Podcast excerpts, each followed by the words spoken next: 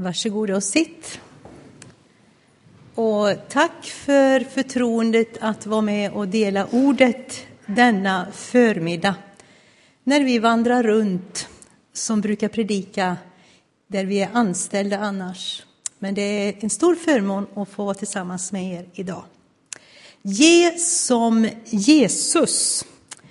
Idag möter vi honom i Johannes 21 kapitel då han delar förnyelse, förtroende och förlåtelse till sju trötta, förvirrade lärjungar. Det kapitlet börjar så starkt och jag tror att det har en hälsning till några idag.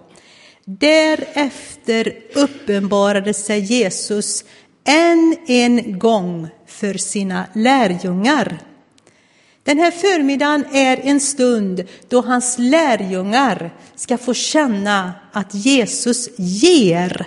Han ger förtroende, han ger förnyelse och han ger förlåtelse. Lärjungarna kände sig rätt så nere, rastlösa och funderingarna var många i deras hjärtan. Hade de här tre åren som de hade satsat så hårt med Jesus varit förgäves? Hur skulle framtiden egentligen bli? Levde han eller levde han inte? Påsken hade varit så otroligt omvälvande. Sju av dem, som sagt, är tillsammans även nu när visionen hade verkat rucka på sig. Och det tycker jag är uppmuntrande att de ändå höll ihop. Inte bara när det var härligt, inte bara när Jesus var med så tydligt, utan också när frågorna var många. Petrus, han kände så här, jag måste ha något att sätta händerna i. Jag blir så rastlös, jag klarar inte att bara gå och grubbla på det här sättet. Så en kväll så säger han till de andra, jag går och fiskar, det kan jag lite grann i alla fall, det har fungerat förut. Och då är de andra så pass mogna så att de säger, vi går med dig Petrus, vi gör dig sällskap i din kris. Han hade ju sagt det säkert våra liv också säger nu och då. Nej, jag känner inte honom. Jag känner inte Mästaren. Och jag vet inte om vi kan tänka oss in i, nu har vi Jesus mitt ibland oss, vi har den heliga Ande. De visste inte hur det såg ut egentligen, de här sju förvirrade, trötta lärjungarna. Två av dem vet vi inte namnet på. Men två hette i alla fall Sebedeus söner, Jakob och Johannes. Natanael var också med i skaran. Han har en stark kallelseuppgift, kallelseupplevelse, den här Natanael. När Jesus kallar på honom så säger han, kan något gott komma från Nasaret? Och hur kan du känna mig egentligen? Jag beundrar de här raka lärjungarna som vi möter, de som ärligt och rakt säger vad deras hjärta känner. Allt är inte härligt, eller hur, ens som lärjunge, även om det är det. Vi känner det så ibland. Sen kliver också Thomas tillsammans med Petrus över båtrelingen. Och jag tror att det är så att det är bara det här stället i evangelierna som de här två vännerna, jag höll på att säga, gör någonting så konkret tillsammans. Och nu var det deras själsliv som förenade dem på ett alldeles särskilt sätt. De känner säkert att det här förenar dem. De fick vara som de var, de fick känna som de kände och så sitter de alla sju i båten just nu. Thomas, han får tyvärr heta tvivlaren väldigt ofta. Men du, det var vid ett tillfälle han undrade, och det var ärligt. Och när han sökte sanningen så får han en fantastisk möjlighet att bekänna min Herre och min Gud. Och när evighetsfrågorna dryftades i Johannes 14 så säger han ärligt och fint, han säger inte bara ja, ja, okej, hur ska vi veta vägen, Herre? Vi känner inte vägen, vi, vi, vi vet inte. Och då öppnar han för detta bibelord som är kanske det starkaste vi har. Jag är vägen, sanningen och livet. Ingen kommer till Fadern utan genom mig. Petrus, jag tror han tar tag i årorna och sätter sig. Sen tror jag att det är väldigt tyst och dämpat i båten. Det var tufft på, på vardagsspråk sagt. Sen glömmer vi ofta att de faktiskt hade sorg ibland de tolv. Sorg och frågor. Judas, en av de tolv, han var borta. Det är sällan vi tänker på den smärtan och de frågorna tillsammans med allt annat lärjungarna hade efter första påsken. Inte ens fisket fungerade för dessa sju lärjungar. Då är uppgivenheten nära. Då gror missmodet väldigt fort i kylan och mörkret. Och kanske att Petrus tänker tillbaka till en liknande natt. Men då hade ju ändå Jesus varit så nära och bjudit att de skulle kasta ut näten igen. Men så var det ju inte nu. Var fanns Jesus? Levde han? Eller hur var det? Tidigt på morgonen, i morgondimman, i morgonluften, så står någon på stranden som de ändå inte känner igen. Men jag tycker att det han säger där den morgonen, det säger han till oss i Pingstkyrkan i Lidköping idag. Mina barn, har ni något att äta? Vilken fråga! Från en okänd, från de frus, för de frusna lärjungarna. Nej, säger de, och jag tror de skakar på huvudet som små barn gör. Nej, vi har inget. Så kommer en av dem utmaningar som vi lärjungar får nu och då och som jag vill dela med dig idag. Kasta ut nätet på högra sidan om båten så ska du få fångst, så ska ni få fångst. Ibland försöker vi förstå innan vi gör någonting. Men att vara lärjunge är ju inte så mycket förstånd som lydnad. Och välsignade fiskare ute på Tiberias sjö som inte måste förstå innan de handlar. De kastar ut nätet en gång till. Och jag måste erkänna att jag såg först igår kväll, jag har alltid tänkt mig näten, kasta ut näten. Men du, det stod i bestämd form, kasta ut nätet till fångst. Och denna välsignade lydnad tror jag vi behöver i Lidköpings kommuns kyrkor inför ett nytt år. Vi behöver inte förstå hur viktigt det är med troheten till Guds tilltal, men vi behöver lyda för att vi ska få vara med om att Jesus ger i varje ny situation. Då sker kapitlets första under. De får massor av fisk fram på morgontimmarna. Och kararna de känner att de orkar inte riktigt dra in nätet. Vad var då skillnaden på några timmar? Var det inte samma båt? Var det inte samma vatten? Var det inte samma nät? Var det inte samma besättning? Jo, det var ett ord ifrån Jesus. Han gav ett nytt uppdrag med samma nät. Och det har jag skrivit dit för en liten stund sedan.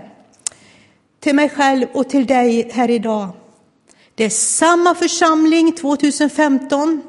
Det är samma stad ni verkar i. Det är samma styrelse och äldste i stort. Det är samma uppdrag. Men ett tilltal än en gång denna söndag förmiddag att Jesus uppenbarar sig än en gång för sina lärjungar det är skillnaden och det är det som förlöser undret också till fiskefångsten. Nätet, det är ett och detsamma. Förkunnelsen, lovsången, tillbedjan.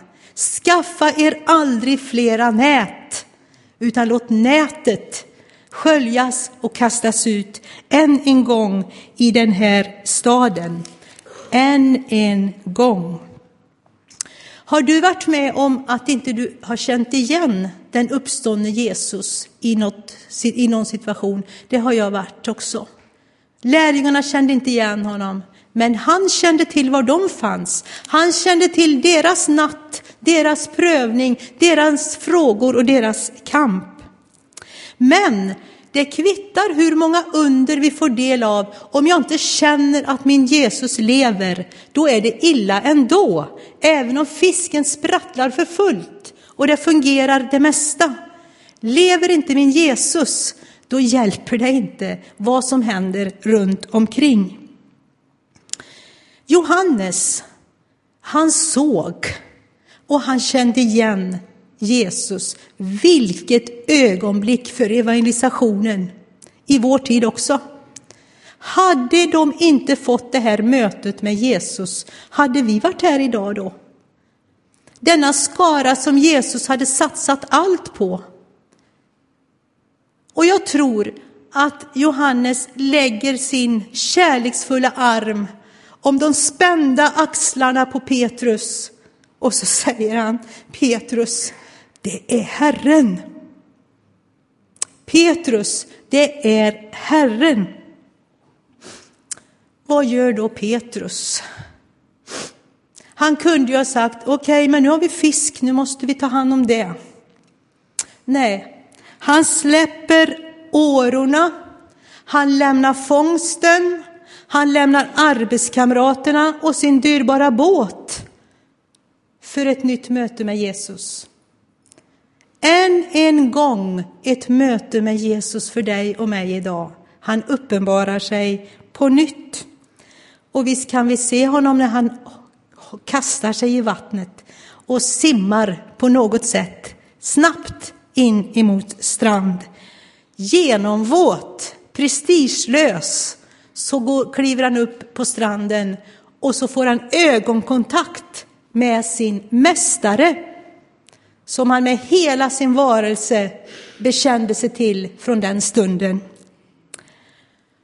Där på Tiberias strand brann en glödhög och jag älskar den glödhögen. För att jag tror att den också är tänd i Pingstkyrkan idag. Jag ska inte fråga om ni ser den, men tänker den, känn den. Och kanske först att det sved till i Petrus själ. Nej, inte en eld igen. Kolelden, den var ju, det var ju det som hade ställt till alltihopa. Ännu en eld. Men Gud, han är förunderlig. Han tar oss ofta tillbaka så att det bränner till lite grann innan han läker ut det han behöver läka. Och vi ska veta att upprättelsens och förlåtelsens eld i en församling bland lärjungar är alltid tänd av Jesus. Han ger glöden som vi behöver. Han ger upprättelse. Han ger förlåtelse.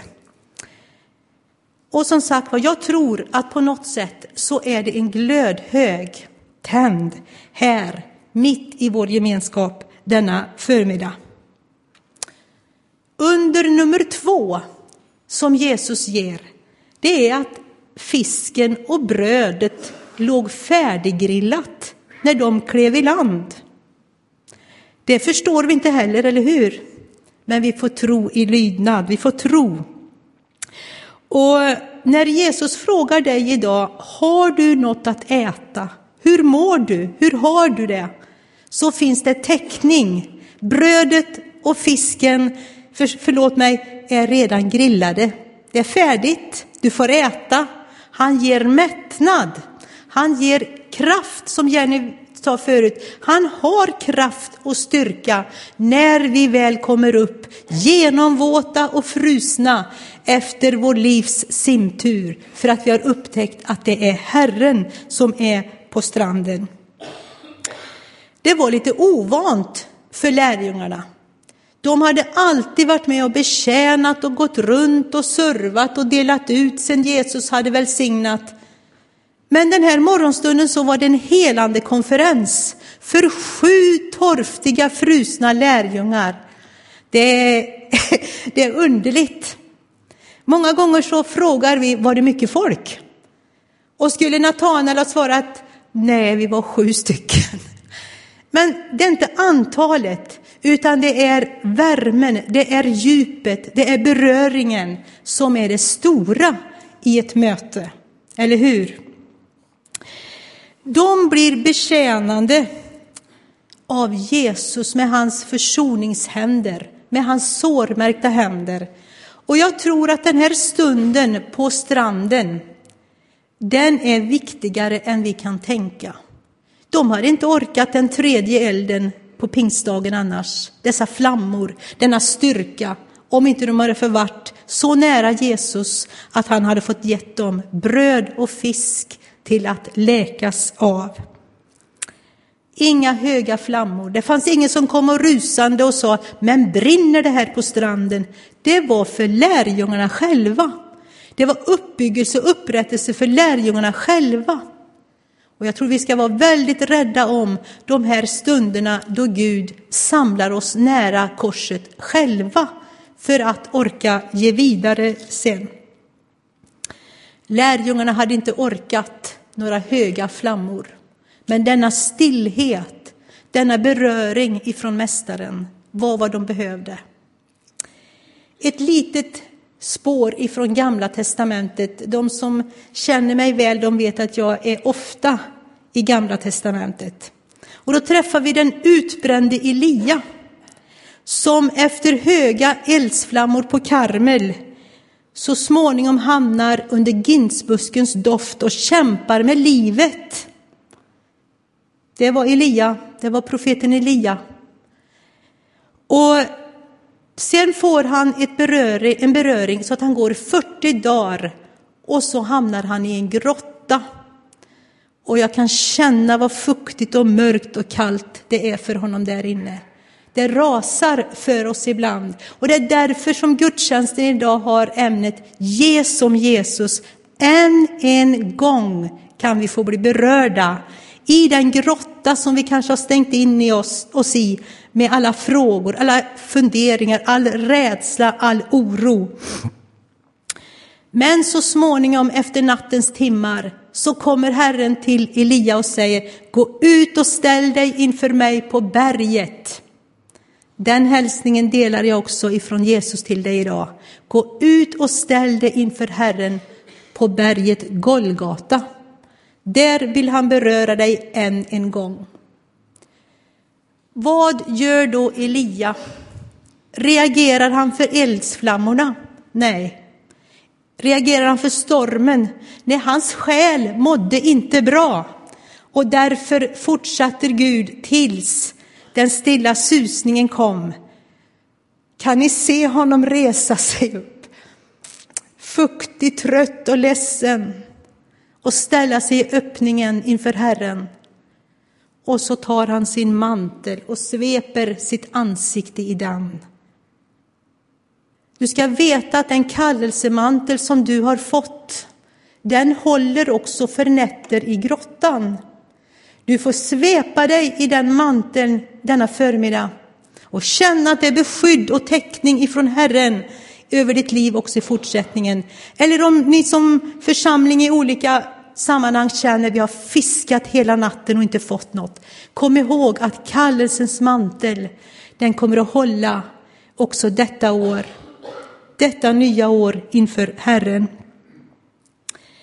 Stilla och kärleksfullt kallas du ut från din grotta idag inför Herren på berget Golgata. Så till slut tillbaka till morgonluften och till Tiberias sjö. Och jag vet inte om, jag tror ju inte att ni är så barnsliga som jag är, men jag, jag, jag kan höra idag också hur Jesus ropar ut, bär hit det ni själva har fått och lägg det på glöden här. Han gjuter förtroende, han gjuter självkänsla självförtroende, för de hade inget kvar i båten, det är jag säker på. Och så är han så noga med att säga, det du har, lägg det på glöden här också, för jag räknar med det. Det du lägger på glöden idag på förmiddagen kommer att mätta fler än du anar i framtiden.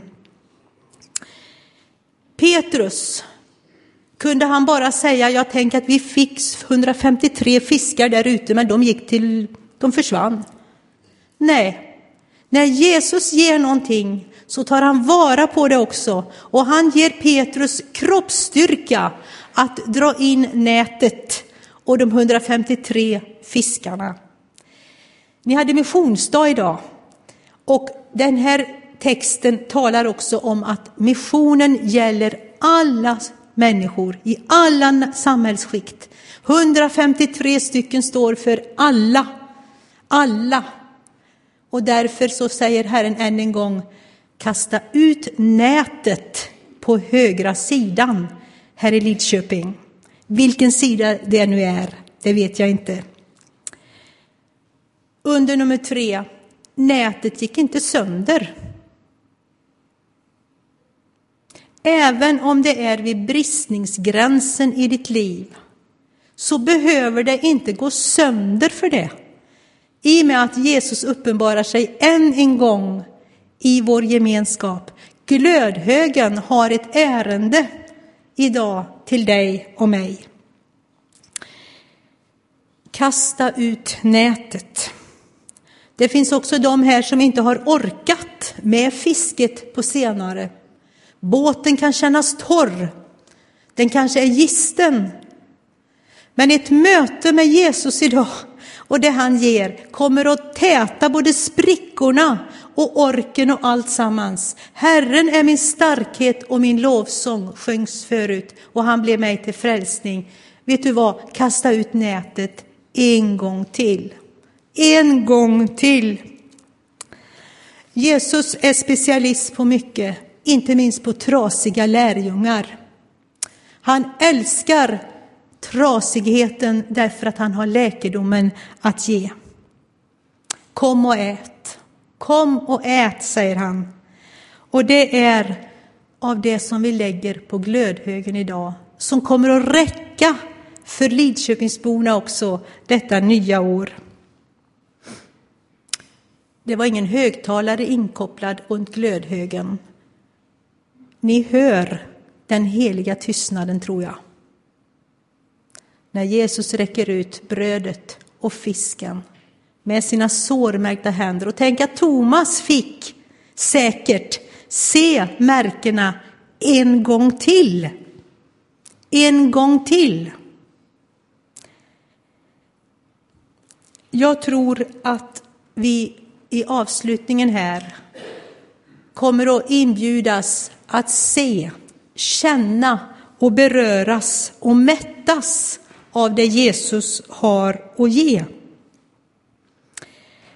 Efter maten så var det då samtalet med Petrus som jag alltid förut har tänkt mig var lite grann åt sidan och det tror jag det var på sätt och vis. Men upprättelsen låg också i att de andra lärjungarna skulle se att Petrus har fått förnyelse, förtroende och förlåtelse så att han var en av dem också i fortsättningen. Simon, Johannes son, älskar du mig? Själavård går tillbaka till barndomen i våra liv och det gjorde det för Petrus också. Förlåtelsen öppnade och upprättelsen helade och uppdraget fördjupades för Petrus. Närgånget med en tredje gång, men så otroligt riktigt. Och där spirar friheten ut i Petrus liv. Älskar du Jesus? Det är tjänstefrågan 2015 för att än en gång kasta ut nätet över Lidköpings kommun och hela vårt, upp, hela vårt område. Ge som Jesus förtroende, för försoning, förnyelse och förlåtelse I Jesu namn. Herre, tack för att glödhögen är tänd mitt i Pingstkyrkan denna förmiddag. Tack Herre Jesus för att du inte säger nej till någons fisk. Tack för att vi får lägga på vad vi har och vi får vara med och dela ut och vi får vara med och mättas denna förmiddag. Tack Herre för att du kommer oss så där riktigt nära. Och tack för att du har särskild vård om lärjungar denna förmiddagsstund. Tack Herre för att du känner var och en som lyssnar på olika sätt. Och jag ber Herre Jesus att din helige ande ska ge det bröd och den fisk som vi behöver. Och jag vill också välsigna just den här fiskebåten Herre. Låt den få bli fylld genom lydnad. Låt den få bli fylld genom att de är trogna nätet och inte något annat. Tack Herre för din välsignelse, din frid och din kraft också detta nya år. Låt oss få se att uppståndelsekraften verkar, att du lever och att du ger vad du är och har Jesus. I Faderns, Sonens och den helige Andes namn. Amen.